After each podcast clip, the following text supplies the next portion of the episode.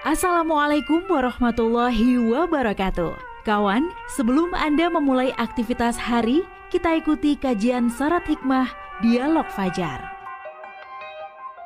Assalamualaikum warahmatullahi wabarakatuh. Alhamdulillah kawan pagi hari ini semoga semuanya dalam keadaan sehat ya dan terima kasih Anda juga yang terus menunggu kalau sudah jam 5 langsung nyalain suara Surabaya menunggu dialog fajar kajian apa lagi ya yang akan disampaikan. Saya Fitriana Ayu yang bersama Anda kawan ditemani Ustadz Mim Saiful Hadi dari pesantren Al-Quran Nurul Falah Surabaya. Assalamualaikum Ustadz Mim. Waalaikumsalam warahmatullahi wabarakatuh. Alhamdulillah sehat ya Ustadz ya. Alhamdulillah sehat luar biasa. Allah Akbar. Akbar. Insya Allah iya Ustadz ya. Semangat ini harus Masya semangat. Betul betul Setiap betul. pagi harus semangat. Alhamdulillah betul Ustadz. Kalau paginya ya. lemes itu kadang ya akhirnya sehariannya itu rusak gitu ya Ustaz iya, ya. apa namanya eh, state wis melempem terus iya, betul. Melayu nih ya apa nah pagi hari ini pun juga kita mengkaji kembali ya Ustadz yeah, Tim ya yeah. Uh, supaya kita ini tidak menjadi perusak naudzubillah ya naudzubillah, dan ya. kita juga harus mengetahui siapa dan bagaimana dan apa saja gitu yeah, yeah. Uh, melanjutkan obrolan yang kemarin ya Ustadz Mim benar, ya benar benar kalau yeah. kemarin itu kan pedagang curang ya Ustadz yeah, ya yeah uh, yang mana uh, berarti itu tanda sebuah krisis kejujuran juga hmm, betul betul dan mengharuskan kita uh, kalau ingin mujur itu ya jujur ya, gitu ya Ustadz ya. ya. ya benar, nah benar. pagi hari ini kita lanjutkan kembali Ustadz Mim uh, pemakan riba. Ya baik. Nah hmm. ini kan juga lagi tren juga ya Ustadz ya saat ini ya banyak ah, ah, benar, istilahnya benar. itu apa Ustaz pinjol pinjol gitu. kalau dulu kalau dulu miris itu Mbak ya iya. saya baca berulang kali kasusnya tuh ya Allah ya Allah kasihan Ustaz ya sangat namanya sangat sangat betul sangat, katanya sangat, kan sangat. memang butuh buat usaha tapi ternyata ya. wah tidak bisa mengembalikan uh, sejumlah dana yang dipinjam ya, ya akhirnya dia memilih jalan pintas naudzubillah hmm. yang waduh sangat buruk sekali nah ini iya, kan beberapa kali saya dengar di uh, suara hmm. suara Surabaya juga kan betul ada klarifikasi penjelasan dari OJK itu ya? Iya. Bisa begitu ya.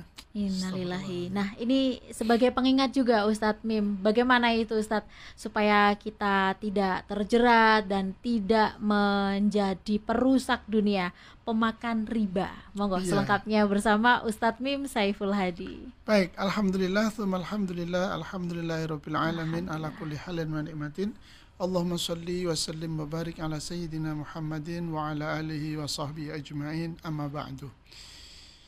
Mbak Ayu dan kawan-kawan sekalian yang dirahmati Allah, ya ini kita melanjutkan hadis yang diriwayatkan oleh Ibnu Abbas radhiyallahu anhu ya tentang eh, golongan-golongan manusia yang menjadi perusak dalam kehidupan.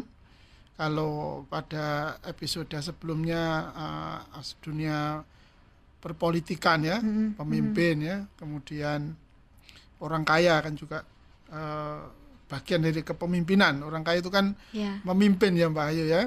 Kemudian Betul. soal uh, keilmuan, itu orang-orang yang berilmu. Dan dua hari ini, berarti kemarin sama hari ini kita di dalam dunia ekonomi ya, Mm-mm. perusak yang menjadi apa namanya perusak ya, yang menjadi perusak dalam kehidupan ekonomi kita atau sektor atau bidang ekonomi. Yang pertama adalah pedagang yang curang, yang kedua hari ini adalah uh, riba. Jadi pemakan riba. Riba itu sesungguhnya memang uh, tidak menyuburkan meningkatkan kesejahteraan kehidupan.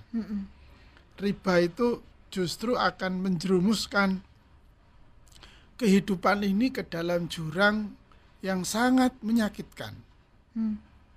Sudah jelas fakta-fakta kita lihat beberapa hari terakhir semakin santer, semakin sering Iya, kita iya. lihat ya Mbak Ayu ya di di berbagai tayangan itu Mm-mm. baik di yang di berbagai portal media ya bahwa orang-orang yang terjerat eh, hutang itu pasti karena riba. Mm-mm. Sebetulnya kan konsepnya eh, meminjami gitu. di dalam Islam itu kan lebih tinggi statusnya daripada sodako. Jadi kalau ada orang pinjam kepada Mhm. kita, kemudian kita Mhm. meminjami, itu sesungguhnya nilai Iya. keutamaannya itu lebih utama dari sodako. Masya Allah Kenapa? gitu ya. Karena orang mau pinjam itu kan satu dia sudah eh, pasti dia sangat butuh. betul. untuk sesuatu, Ya. menyelesaikan problem hidupnya. Ya. Nah, ketika kita meringankan Dia, beban ya. orang lain, Mm-mm. membantu kesulitan orang lain, itu sudah kebaikan. Kemudian kalau kita memberikan pinjaman, itu artinya kan kita sedang mengangkat dia dari uh, jeratan Kesulitan persoalan, tadi ya, dari betul. persoalan, sehingga sangat dilarang atau bahkan dikutuk orang yang meminjam kemudian akadnya pinjam kemudian dia meminta kembalian atau bunga dari pinjamannya itu. Hmm. Ya, sederhananya gitu Mbak ya. Jadi Iya. riba itu kita mengambil keuntungan dari peminjaman, transaksi peminjaman. Mm-mm. Nah, ketika kita mengambil keuntungan berapapun besarnya dari transaksi peminjaman, maka sesungguhnya termasuk riba. Saya punya uang, Mbak Ayu yang butuh, kemudian saya pinjamkan kepada Mbak Ayu, saya minta jasa dari uang yang saya pinjamkan ke Mbak Ayu yang butuh itu, maka itu adalah riba. Maka tidak heran kalau kemudian orang-orang ya banyak sekali sekali lagi banyak semoga Allah mengampuni dosa-dosa mereka ya dan memberikan kekuatan untuk mm, menjalani kehidupan ini Ya. dalam menghadapi kesulitan hidup. Amin. Miris kan? Miris. Betul. Miris sekali. Sehingga satu kalau kita mau mau ya kalau kita mau agar kita tidak termasuk dalam kelompok ini ya ya kita yang pertama sebagai pemilik uang. Ya ini kan yang pertama kalau udah pemilik uang dulu Mbak Ayu ya. Iya, iya, betul, yang Ustaz. sudah punya kelonggaran pasti punya kelapangan tangan punya kelapangan harta itu tolonglah tolong tolonglah pinjamkan uang Anda kepada saudara kita yang membutuhkan dan jangan sekali-kali kita mengharap atau menggunakan atau menjadikan uang yang kita pinjamkan itu satu keuntungan secara finansial, secara material. Meminjamkan seribu ya kembalinya, Kembalinya seribu. seribu. Itu seribu lima puluh tidak boleh. Karena apa? Sekali lagi kita sedang menangguk kerugian yang besar dari status meminjamkan itu sebagai kebaikan, tapi malah hanya memperoleh 50 ribu. Nah, Dari seribu tadi kan sayang sekali. Ya. Yang kedua, kita pada orang yang punya uang, tolonglah ketika kita melepaskan sejumlah uang untuk kita pinjamkan. Lah Ustaz, ngono-ngono wong gak balik no Ustaz, misalnya gitu ya. Ya, ya. Ya, Pasti ini itu. adalah ini adalah penyakitnya. Iblis itu ngomongnya pasti di situ. Ya. Pasti ngomongnya di situ. Ojo, kok nek kamu kayak beban, gak bakal dibalik no, misalnya gitu. Ya. Bisik-bisikannya apa namanya bujuk rayunya iblis itu kan sebagian dalam hadis ini kan memang ini akan orang yang sangat disayang oleh iblis itu ya. Orang-orang yang suka membungakan uang itu, suka beternak uang itu. Karena semakin hari, semakin waktu panjang berlalu, sesungguhnya kita sedang apa istilahnya mencekik lehernya, me- menghisap darahnya, menghisap keringatnya. Karena semakin berat dia. Ya, taruhlah misalnya eh, bunganya per hari sekian, per tambahannya sekian, maka menjadi s- stres kan itu orang yang meminjam itu. Apalagi Iya. tambah dengan teror ya, Iya, tambah iya. tagihan tiap hari malam jam 12 teleponnya berdering, jam 2 iya. berdering lagi, pagi diangkat langsung di apa dikasih ucapan yang kasar, dipisui misalnya, sopo wongi sing gak terus tambah stres kan itu Mbak Ayu Iya, ya. iya, betul Ustaz. Apalagi diancam dengan berbagai macam modus ancaman. Hmm, hmm. Bukankah itu sebuah bencana? Jika itu menimpa pada keluarga kita, apa yang kita lakukan? Apa yang kita rasakan? Tentu hal yang sama. Mm-mm. Nah, kalau kemudian ini skalanya kecil, sekarang kalau skalanya besar ini Mbak Ayu, misalnya kita negara kita ini eh, kemudian bunga pinjamannya makin besar kan makin tergantung kita, Iya, makin iya, tidak betul. punya kuasa, tidak punya ya kedaulatan, kemerdekaan untuk menentukan ini dan itu. Kenapa? Ya karena di dalam ikatan penguasaan orang yang memberikan uang kepada kita Hmm. ketika orang tadi sudah tidak bisa mengembalikan kan terus bilang misalnya saya tidak bisa mengembalikan sudah kalau gitu kamu begini nah gitu kan kalau di film-film film-film iya, loh pak yo iya, anaknya benar. dikasihkan. Oh iya anaknya Di film-film loh iya ya. betul. Enak ya Ustadz ya. Utang li, berapa puluhan juta anaknya dinikahkan lunas gitu. Astagfirullah. Ya kan tidak tidak tidak tidak tidak boleh kan begitu Iya, itu iya. tidak boleh begitu maka dari itu satu yang pertama kepada kita yang punya uang yakini terimalah eh, syukuri apa yang kita miliki kelonggaran harta itu hmm. sesungguhnya harta ini bukanlah milik kita tapi ini miliknya Allah yang diamanahkan kepada kita untuk memper, memperbanyak sebesar-besar kemanfaatan harta kita untuk kehidupan. Hmm. Yang kedua, ketika kita berniat meminjamkan kepada seseorang, kita kan sudah tahu ya kira-kira seberapa kemampuan, kemampuan. orang tersebut. Mm -hmm. Kan itu. Ya, nah, ya. kemampuan itu yang menjadi ukuran kita untuk hmm. memberikan pinjaman atau menyerahkan pinjaman hmm. itu kepada yang bersangkutan. Hmm. Sehingga di dalam pikiran kita, dalam hati kita tidaklah kemudian menjadikan uang yang kita lepaskan itu sebagai bentuk untuk pengambilan atau mengambil memperoleh keuntungan mm-hmm. sehingga ele-ele seumpamane gak iso balik no kita sudah tahu ukurannya oh iya gak apa-apa sudah lepas saja. Sebagai amal soleh kita. Masya sebagai sotakoh kita. Berat Ustaz. nah berat. Kenapa? Karena umumnya kebanyakan tidak begitu. Tapi ya. kalau kita bertemu dengan orang yang begini tentu akan lebih bahagia hidup kita. Kan di mana-mana kan orang baik orang-orang uh, menerima jasa kita ya. Yeah, yeah, orang yeah, menerima yeah. jasa kita.